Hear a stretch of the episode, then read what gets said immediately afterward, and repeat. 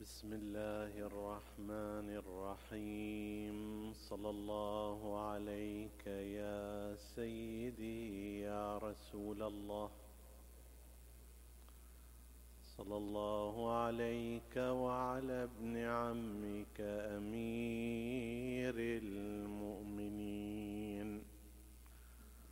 وعلى أهل بيتك الطاهرين. صلى الله عليك يا سيدي يا أبا عبد الله الحسين وعلى أبنائك الغر الميامين لا سيما باب الحوائج موسى بن جعفر صلوات الله وسلامه عليه. ما خاب من تمسك بكم وأمن من لجأ إليكم. يا ليتنا كنا معكم فنفوز فوزا عظيما. عطروا مجالسكم بذكر محمد وآل محمد.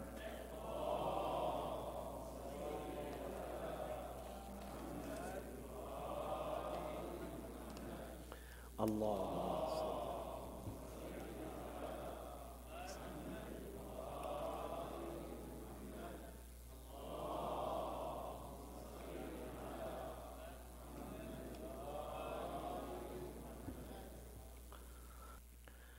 ونفتتح حديثنا برواية يرويها أبو بصير عن الإمام الكاظم عليه السلام إذ يقول عندما حضرت والدي الوفاة قال لي يا بني لا يلي غسلي غيرك. وهكذا فعلت مع أبي. الإمام الصادق عليه السلام يوصي ابنه الكاظم بأن لا يتولى تغسيله إلا هو أي الإمام الكاظم وأن الإمام الصادق عليه السلام صنع هذا بوالده الباقر. سوف نأتي على هذه العلامة من علامات الإمامة بعد أن نلقي نظرة عامة على حياة الإمام بشكل سريع. ولادة الإمام الكاظم عليه السلام كانت في سنة مئة وثمانية وعشرين للهجرة. وبقي مع أبيه الإمام الصادق عليه السلام عشرين سنة إلى أن استشهد الإمام الصادق بسم دسه إليه المنصور الدوانيقي العباسي. سنة 148 استشهد الإمام الصادق عليه السلام فآلت الإمامة إلى الإمام الكاظم عليه السلام وقد نص الإمام الصادق على إمامة الكاظم بطرق متعددة سوف نأتي عليها. تولى الامامه وعمره إذا عشرون سنة وبقي صلوات الله وسلامه عليه إلى سنة مئة وثلاثة وثمانين هجرية حيث استشهد إمامنا الكاظم عليه السلام على يد هارون العباسي وبذلك تكون فترة إمامة الإمام الكاظم خمسة وثلاثين سنة. وهي تعتبر من أطول لو لم تكن أطول فترات أئمة أهل البيت. عندنا بعض الأئمة فترة إمامتهم كانت قصيرة لم يمهله لم يمهلهم الظالمون. مثل الإمام العسكري عليه السلام. الإمام العسكري فترة إمامته ست سنوات فقط. من 254 هجرية إلى 260 شهادته الإمام الهادي عليه السلام لا فترته طالت.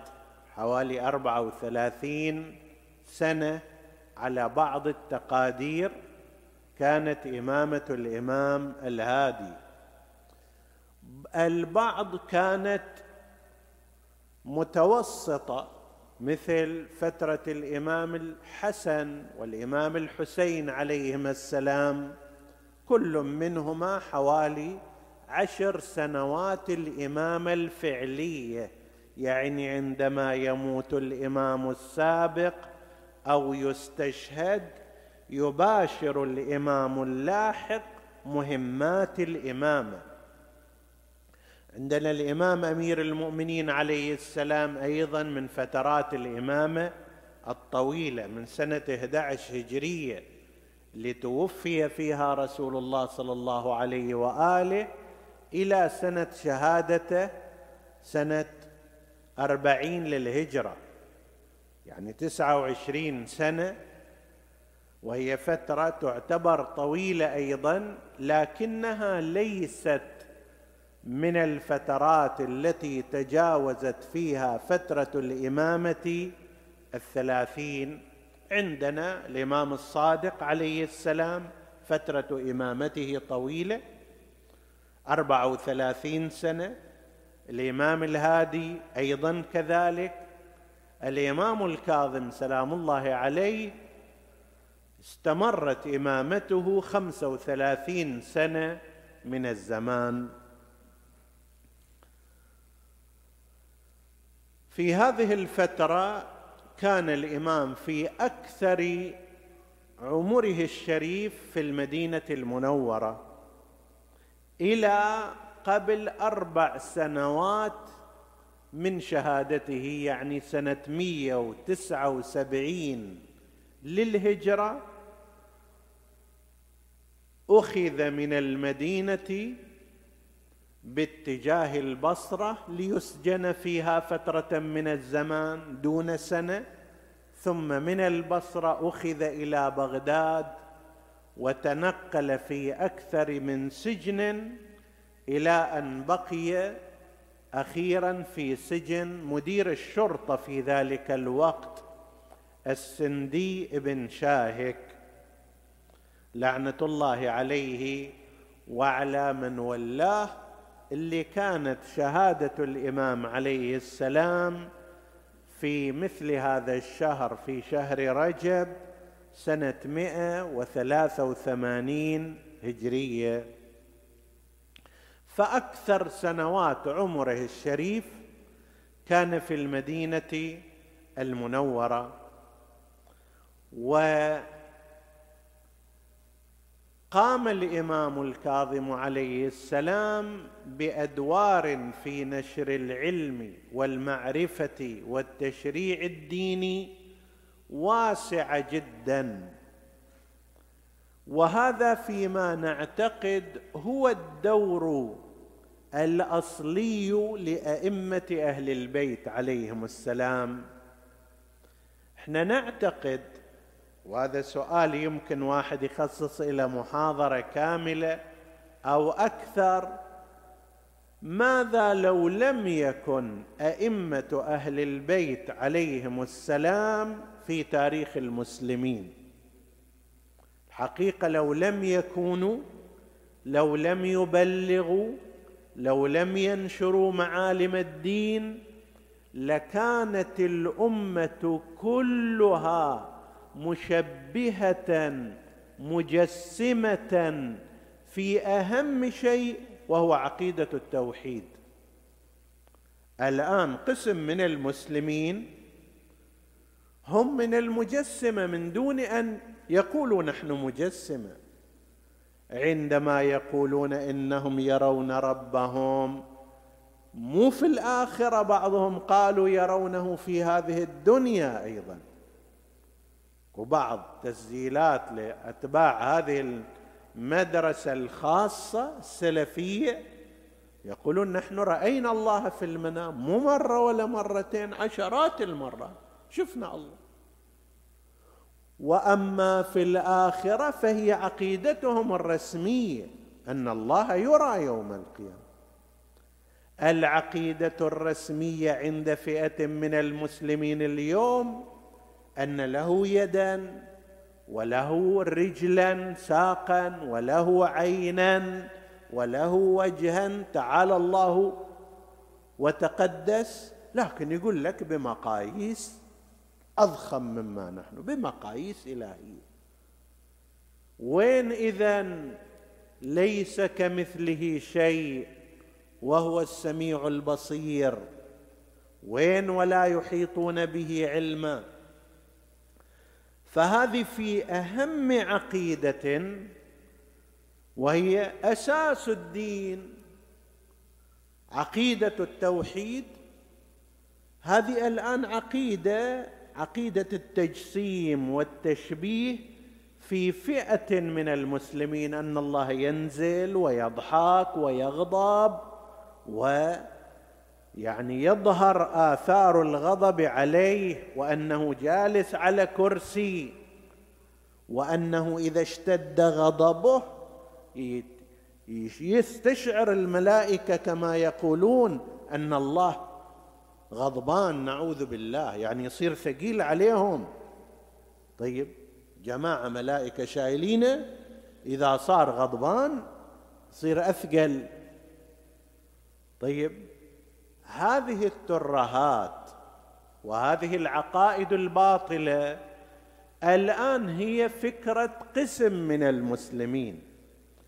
وذلك لأن أئمة أهل البيت عليهم السلام في كل أدوارهم تحدثوا عن عقيدة التوحيد ونزهوا الله سبحانه وتعالى وردوا على أدعياء هذه الفكرة.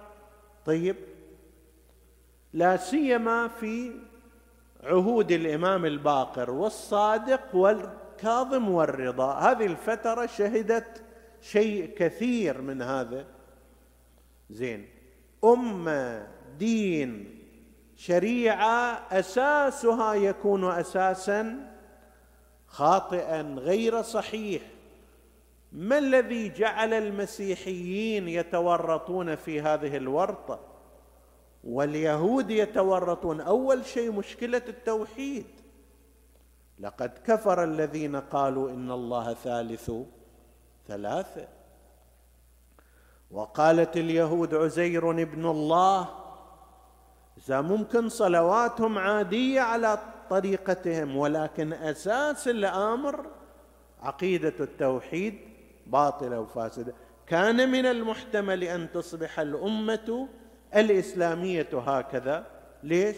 لأن الاتجاه العام كان هو بهذا الأمر. السلاطين أيضا كانوا يدعمون هذه التوجهات. لولا أن أئمة الهدى عليهم السلام وقفوا أمام هذا ووضحوا الحقائق وأبطلوا هذه الأفكار لكانت الأمة كلها اليوم غير موحدة. فيما يرتبط باعتقادنا بالنبي المصطفى محمد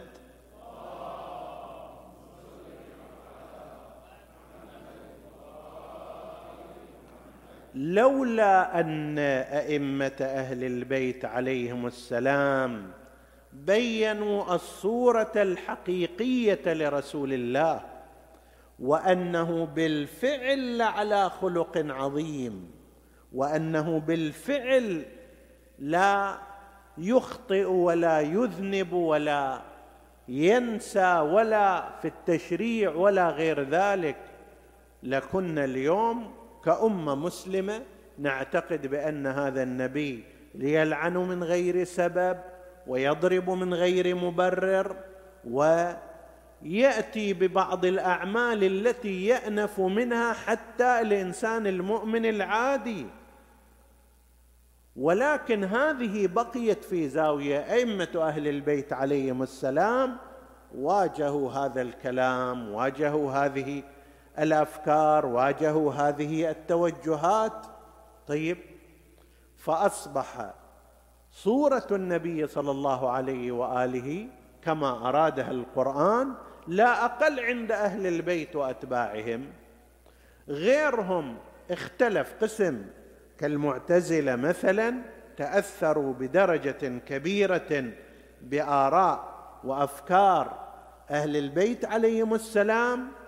وأصبحت عقائدهم أنظف. قسم آخر لا جعلوا أنفسهم في مواجهة عقائد أهل البيت. ف أوهنوا رسول الله صلى الله عليه وآله وشوهوا صورته. فأئمة الهدى عليهم السلام دورهم الأساس هو هذا في مستوى العقائد وهو ذاك في مستوى الفقه. أجيب لك أنا شيء بس كإشارة وإلا هذا بحث طويل. في زمان الإمام الجواد يعني سنة كم؟ حوالي 220 للهجرة. لأن الحادثة صارت مع أواخر حياة الإمام الجواد 220 هجرية. يعني بعد بعثة رسول الله صلى الله عليه وآله وهجرة رسول الله بقرنين وعشرين سنة مئتين سنة مئتين وعشرين سنة. في زمان المعتصم العباسي عندما أرادوا أن يقطعوا بعض السرقة السراق اختلفوا عند المعتصم. وجابوا قاضي القضاة أحمد ابن أبي دؤاد الأيادي وهو صاحب الكلمة العليا. فقال المعتصم قال لهم من وين نقطعه قال اقطعوه من هنا. من هذه المنطقة. الإمام الجواد جالس وساكت. فقال المعتصم يا أبا جعفر ما تقول؟ فقال له الإمام قد أجابوك. يعني أنتوا ويا الجماعة مو من الحين لا من اليوم ولا من أمس. والأخطاء على قولهم على قفا من يشيل. وش الجديد في الموضوع؟ قال قد أجابك القوم. قال دعك من القوم وأجبني بما عندك. هذا يبين أيضا أن بعض الخلفاء في قرارة أنفسهم يعتقدون أن العلم الحقيقي هو عند آل محمد.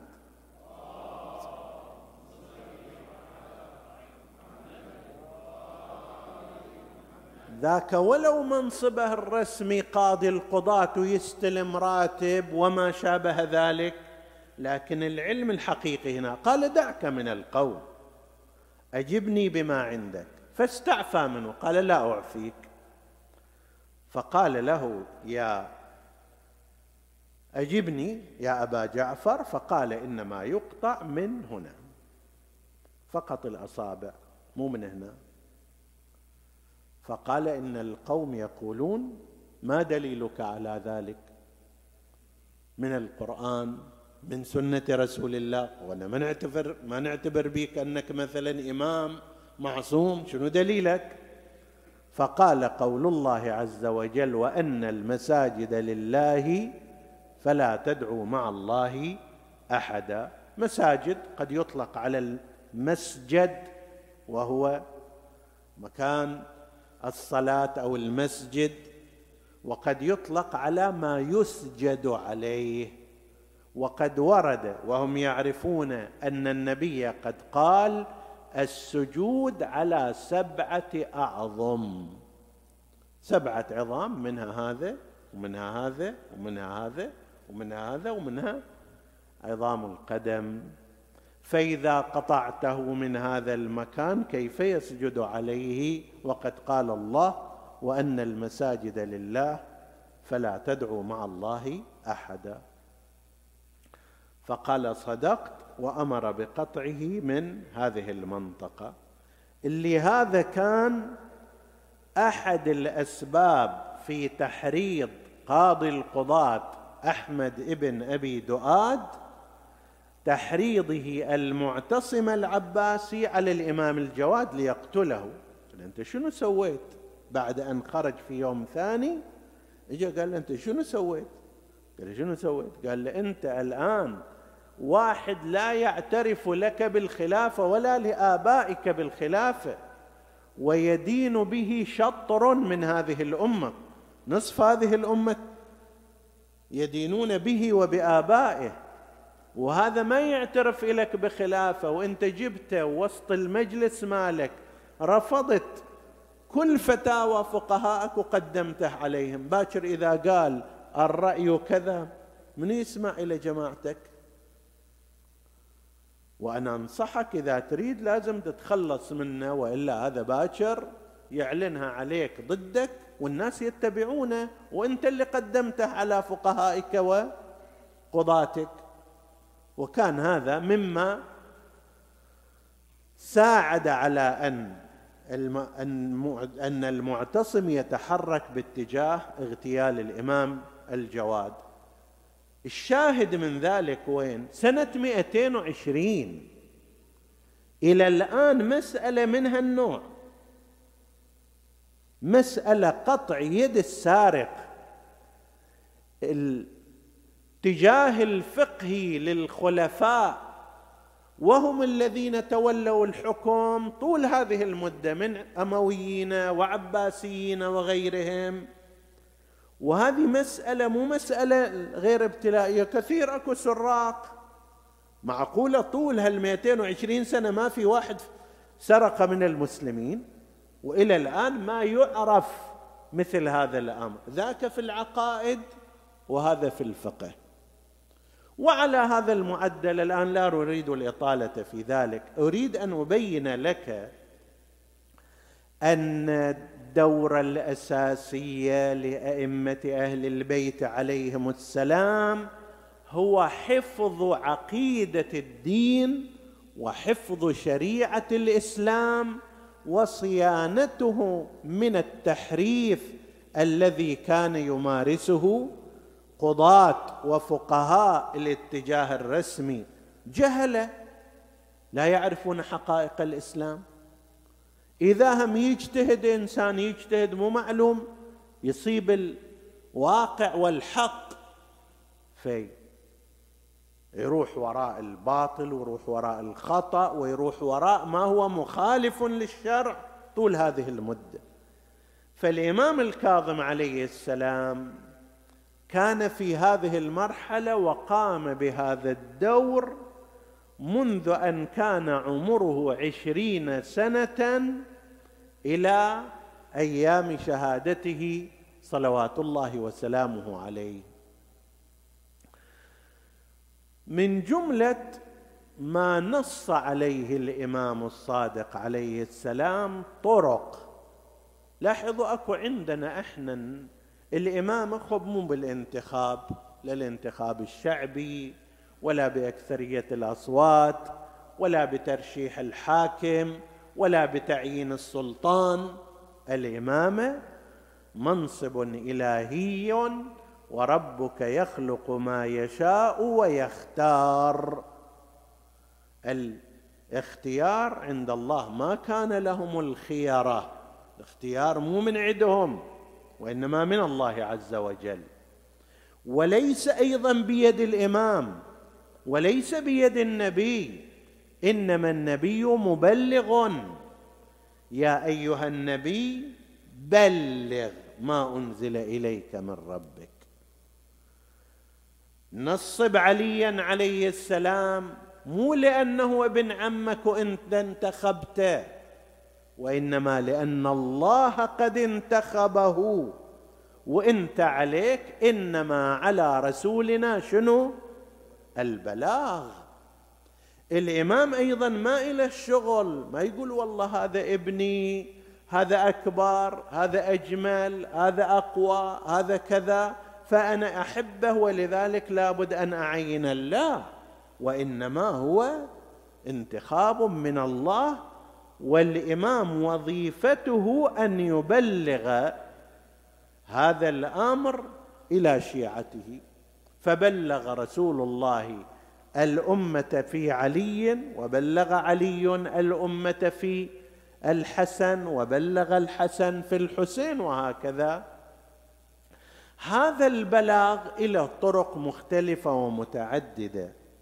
قد يكون نص مباشر يقول فلان ابني هو الخليفة من بعدي وهو الإمام عليكم. وهذا يصير كثير.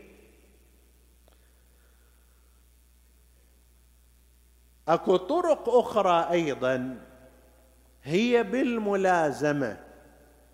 مثلا يقول مثلا وصيتي إلى ابني فلان هو الذي ينفذ وصيتي هو يقضي ديني.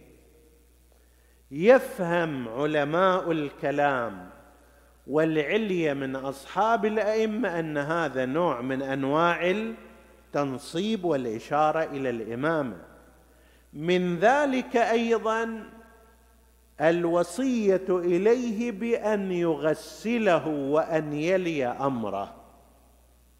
أنه انت غسلني الإمام أمير المؤمنين عليه السلام هو الذي غسل رسول الله صلى الله عليه وآله. أي من الإشارات. طبعا لو ما صار مو معنى ذلك ما يصير إمام. لا الإمامة كما قلنا مو مربوطة به. الذي سبق وإنما مربوطة بالله عز وجل. طرق ووسائل وأساليب التبليغ متعددة ومتنوعة. ولو أن واحدة منها تأخرت وتخلفت ما يضر هذا بشيء. طيب هذا لا يضر بشيء. لنفترض مثلا أن الإمام الصادق عليه السلام أوصى بأن يغسله الإمام الكاظم ابنه ابنه يغسله لنفترض جدلا أنه منع من تغسيل أبيه. هذا ما يضر بإمامته. ولا أيضا يضر بإمامة السابق. هذا هذه علامة من العلامات. إذا تحققت الحمد لله رب العالمين وعادة تتحقق ولو بطريق الإعجاز. كما حصل للكاظم عليه السلام والرضا صلوات الله وسلامه عليه أن الإمام الرضا جاء فيما عليه رواياتنا وجهز أباه الكاظم بطريق الإعجاز. وحصل أيضا نفس ذلك للإمام الرضا. هذا فيما نعتقده هو موجود في رواياتنا. لنفترض أن واحد قال لا ما صار هذا لا يضر. لا الإمام السابق تتأثر إمامته. ولا الامام اللاحق تتأثر إمامته. هذا مثل شنو؟ مثل أن الإمام نص على إمامة ابنه أنا ما وصل إلي هذا الكلام أنا في بلد آخر ما وصلني الخبر. هل تبطل إمامة الإمام لأن العلامة ما وصلتني؟ لا تبطل. تصلني علامة أخرى؟ يصلني خبر آخر؟ طريق أروح أسأل الإمام فيما يعجز عنه غيره هذه كلها طرق متعددة لمعرفة الإمام عليه السلام. فمن طرق ذلك كما قلنا عن أبي بصير أنه ذكر العبد الصالح هذا تعبير عن الإمام الكاظم عليه السلام كان يستخدم فترة من الزمان أوائل إمامته نظرا لأن المنصور الدوانيقي كان عازما على تصفية وقتل من يكون وصيا واماما بعد الإمام الكاظم بعد الإمام الصادق عليه السلام. والإمام الصادق حسب تعبيرنا درسها بعناية وسوى طريقة أصحابه المقربون منه أخبرهم على مراحل طويلة. من أول ما ولد الإمام الكاظم عليه السلام كان يشير إليهم. بعضهم يسأله إن كان كون لا أرانا الله ذلك. يعني إذا أنت الله اختارك إلى جواره. فلمن يكون الأمر؟ يقول لابني هذا لا يزال صغير السن. وهذا حصل إلى وحصل إلى الإمام الرضا عليه السلام وحصل إلى الإمام الجواد صلوات الله عليهم أجمعين. وأحيانا هو الإمام يبتدر جماعة وهم جالسون يقول لهم الإمام الصادق ابني موسى هو القائم بالأمر من بعدي فاسمعوا له وأطيعوا. أمره أمري طاعته طاعتي.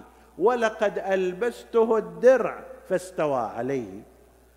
أيضا هذه من العلامات أنهم يتوارثون درعا هو مما بقي من تراث رسول الله. الدرع سيف ذو الفقار كتب العلم غير ذلك وأن الإمام يستوي عليه الدرع الذي ورث من آبائه ولقد ألبسته الدرع فاستوى عليه يعني على قده حسب التعبير. هي علامة تلك علامة وهكذا.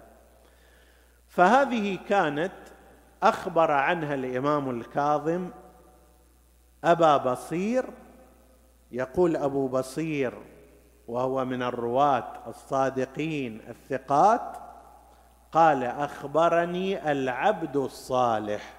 هذا تعبير عن الإمام موسى بن جعفر. لأنه في فترة كما ذكرنا المنصور العباسي لعنة الله عليه كان يريد أن يقتل القائم بالأمر بعد الإمام الصادق فأرسل بعدما استشهد الإمام الصادق إلى واليه على المدينة وقال له انظر إلى من أوصى جعفر بن محمد فاضرب عنقه. من وصية؟ اضرب عنقه. الإمام الصادق وصاياه الدينية المعروفة لأصحابه كان يشير إلى إمامة الإمام الكاظم عليه السلام. لكن وصيته الرسمية المكتوبة والمشاعة أوصى فيها إلى خمسة أشخاص.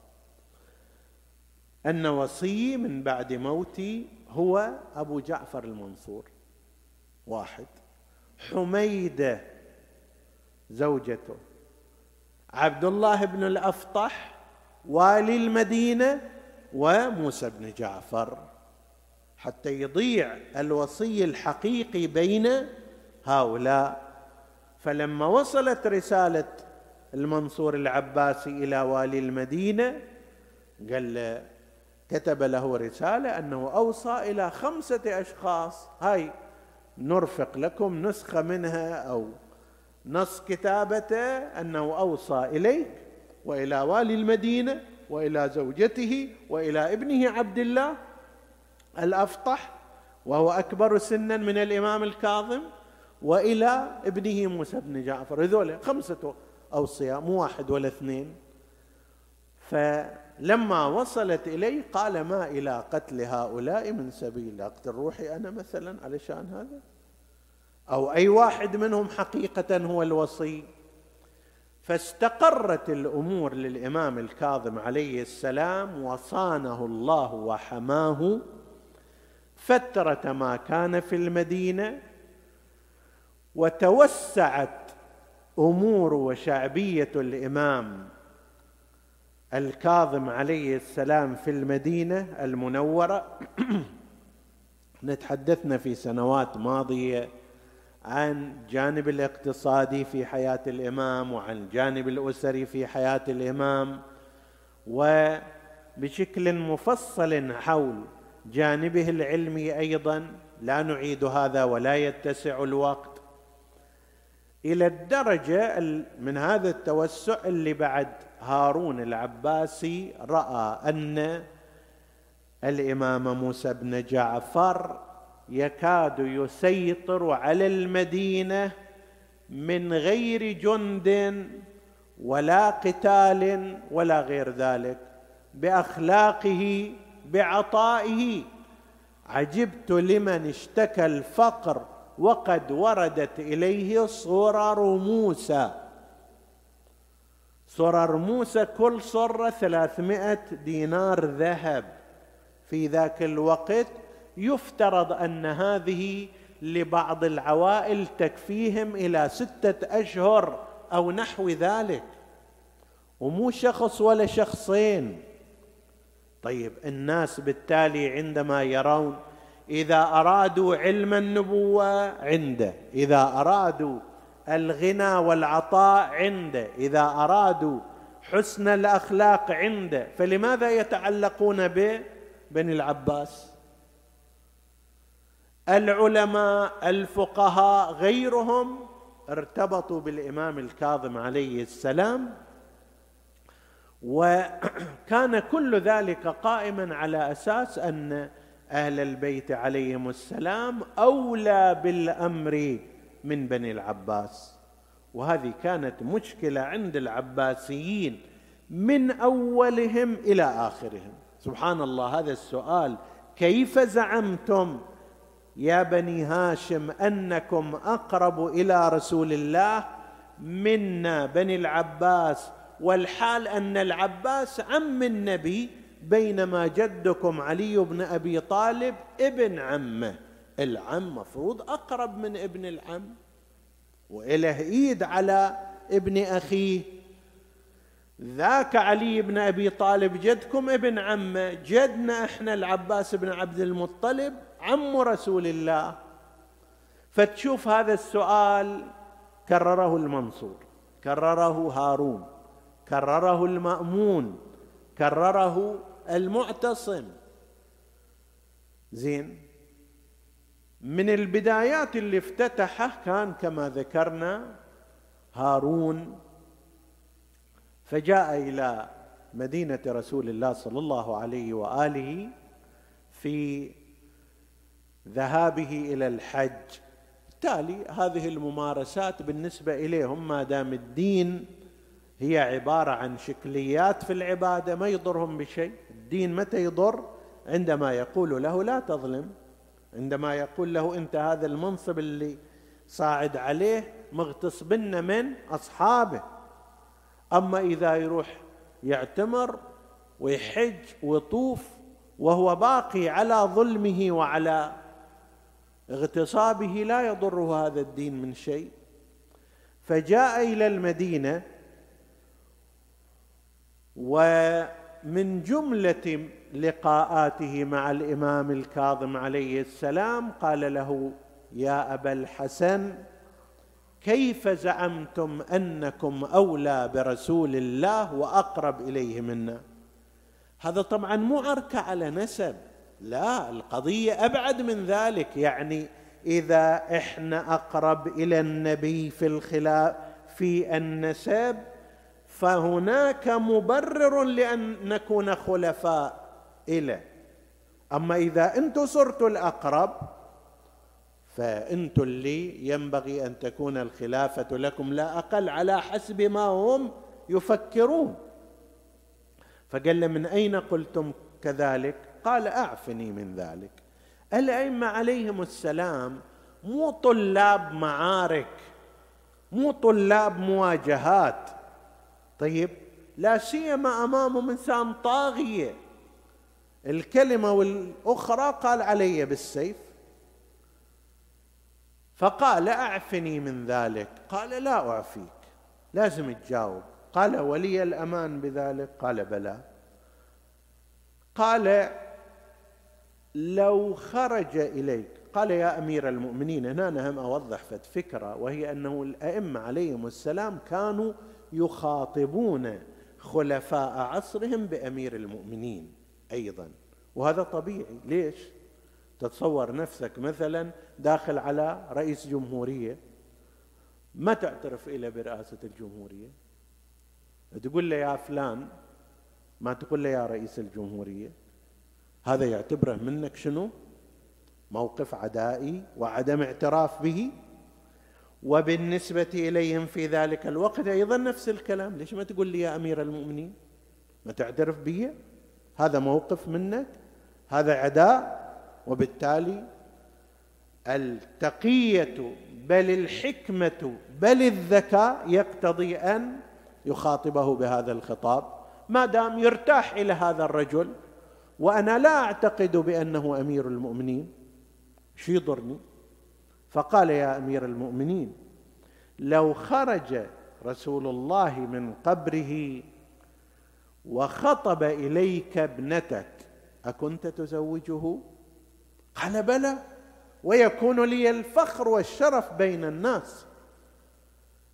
ما يدري أن هذا فخ حافرنا إلى الإمام عليه السلام. قال له لكني لكنه لا يخطب مني ولا أزوجه. قال ولم؟ ليش ما يخطب منك ولماذا لا تزوجه قال لأنه جدي ولا يحل لي أن يخطب مني ولا يحل لي أن أزوجه. فأينا أقرب لرسول الله؟ هذا رحمي. جدي محرم علي كيف أنا أزوجه؟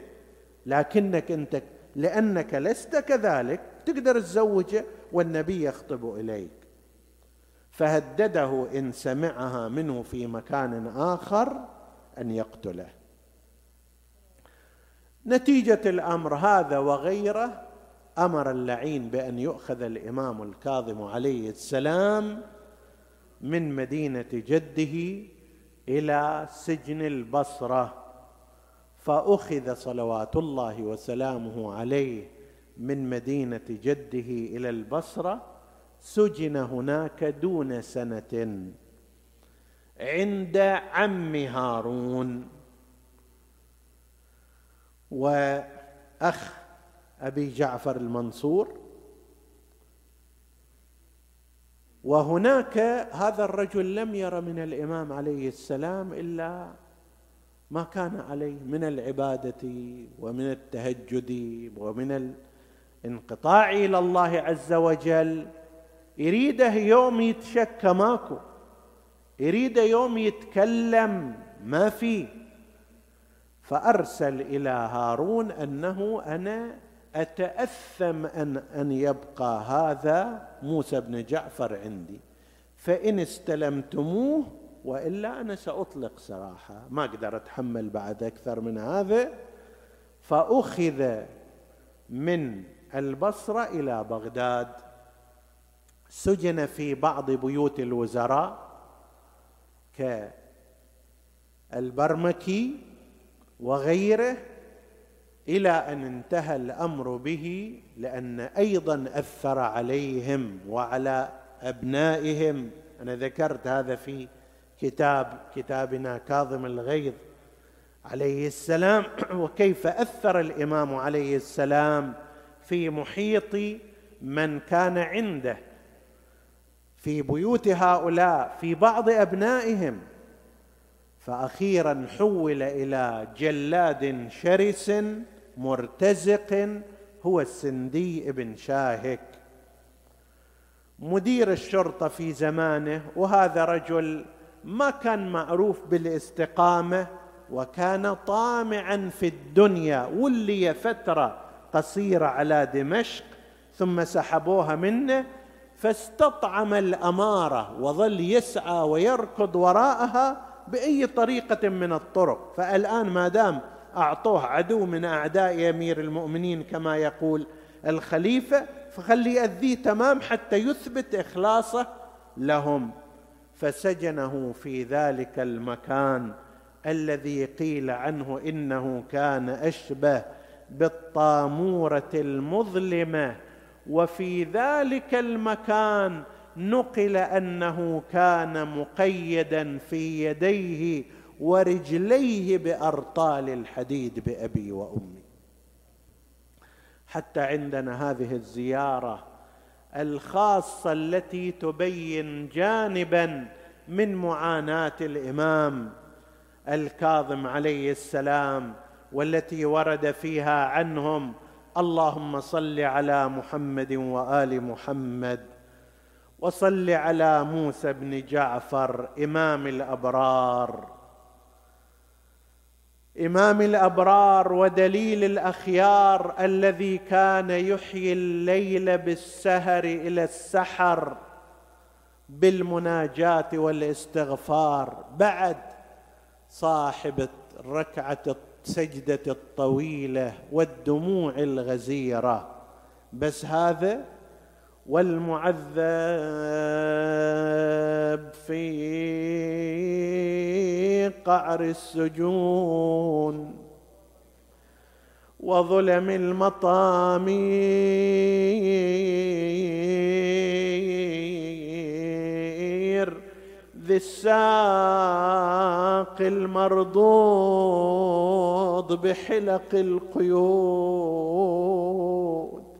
يا موسى بن جعفر للمؤمنين حاجات للمؤمنين مرضى للمؤمنين مأسورون.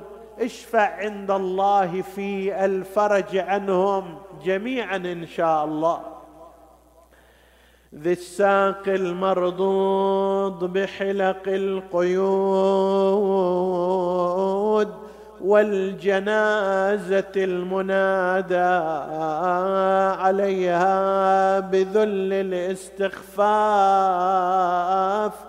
والوافد على جده المرتض جده المصطفى وأبيه المرتضى وأمه فاطمة الزهراء بإرث مغصوب ودم مطلوب وسم مشروب. بقي إمامنا سلام الله عليه. في تلك الطامورة. لا يرى فيها ليلها من نهارها. إلى أن اشتاق إلى لقاء ربه. ولقاء آبائه. رفع يديه بالدعاء يا مخلص الشجار يا مخلص الشجار من بين ماء وطين ومخلص الجنين من بين مشيمة ورحم ومخلص اللبن من بين فرث ودم خلصني من سجن هارون. دخل عليه أحد أصحابه علي بن سويد السائي قال له سيدي متى الفرج؟ ضاقت قلوب شيعتك. قال يا ابن سويد فرجي مما أنا فيه. بعد ثلاثة أيام قل لشيعتي فلينتظروني على جسر بغداد. خرج علي بن سويد يخبر الناس حتى يجتمعوا على جسر بغداد. واللعين السندي بن شاهق قد أمره ذلك اللعين هارون بأن يدس إلى إمامنا سما نقيعا فدس إلى الإمام السم في رطب أكل منه بعض الرطب وسرى السم في بدنه. حتى أوهى ذلك البدن الضعيف وعند احتضار أجله مدد يديه ورجليه غمض عينيه. أسبل يديه. ما أدري يقدر يسبل يديه وهي في القيود أو يمدد رجليه وهي في الأصفاد. وعرق جبينه سكن أنينه فاضت روحه الطاهرة. أين المنادي وإماماه وسيداه وابن رسول الله يا يا زوار باب الحوائج على جسر بغداد بقيت جنازة إمام. رميت جنازة الإمام بعد أن حملت على أربعة من الحمالين. يعني ما عند أحد يشيل جنازة لازم يجيبون حمالين يرفعون هذه الجنازة. يا ليتنا وإياكم في ذلك الموقف. رميت جنازة إمامنا على جسر بغداد. والناس ينتظرون خروج الإمام. وإذا بالمنادي ينادي ألا ومن أراد أن يتفرج؟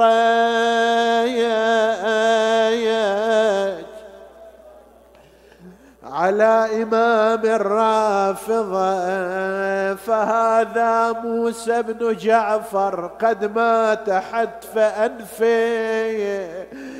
كأني بهم وقد انقلب فرحهم حزنا كل ينادي وإماما. ومسموما واصبحت بغداد كلها. على الجسر متجمعة. هذا متشمت وهذا فوق خده مدمع. والجنازة ويح قلبي على حمامي الأربعة. وفوق ذاك الجسر مدا مهجتك يا مرتضى وقف يم جنازته يا ابن سويد وياه الطبيب. شال كفيده وشمه وارتفع من النحي قال هذا من عشيرة لو بلدتكم. لما جاء ابن سويد ورأى ذلك الطبيب قال اكشف عن سبب موته قلب كفه يمينا شمالا التفت إليه قال يا ابن سويد هل له أهل أو عشيرة قال ما تصنع بعشيرته؟ قال قل لهم فليطالبوا بدمه فإن الرجل مقتول مسموم.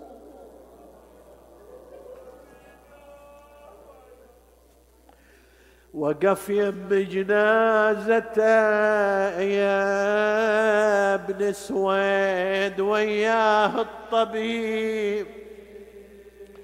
شال شفيده شمه وارتفع من النحي وقال هذا من عشيرة يا لو بلدتكم غريب كان تسأل عن سبايب موته ترى بالسم قضى. وجهزوا شيخ العشيرة يا بالمعزة وغسلوا بردة بعشرين ليه لبن جعفر كفنوا صاح المحشم يا شيعة يا إمامكم قوموا قوموا احملوا. طلعت الشيعة بضجة للسرير معرضة وعن غريب الغادرية وين غابت شيعته. ريت حضرة وقبل مدوس العوادي جثته عاينوا زينب تنخي من يشيل جنازة. نسألك اللهم وندعوك باسمك العظيم الأعظم الأعز الأجل الأكرم. يا الله. اغفر لنا ذنوبنا كفر عنا سيئاتنا آمنا في أوطاننا لا تسلط علينا من لا يخافك ولا يرحمنا ولا تفرق بيننا وبين محمد وآله طرفة عين. احفظ اللهم إخواني السامعين فردا فردا واقض حوائجهم. اشف اللهم مرضاهم ومرضى المنظورين. ولا سيما من أوصانا بالدعاء وتقبل اللهم عمل المؤسسين بأحسن القبول إلى أرواح موتاهم. وموت السامعين نهدي ثواب الفاتحة. تسبقها الصلاة.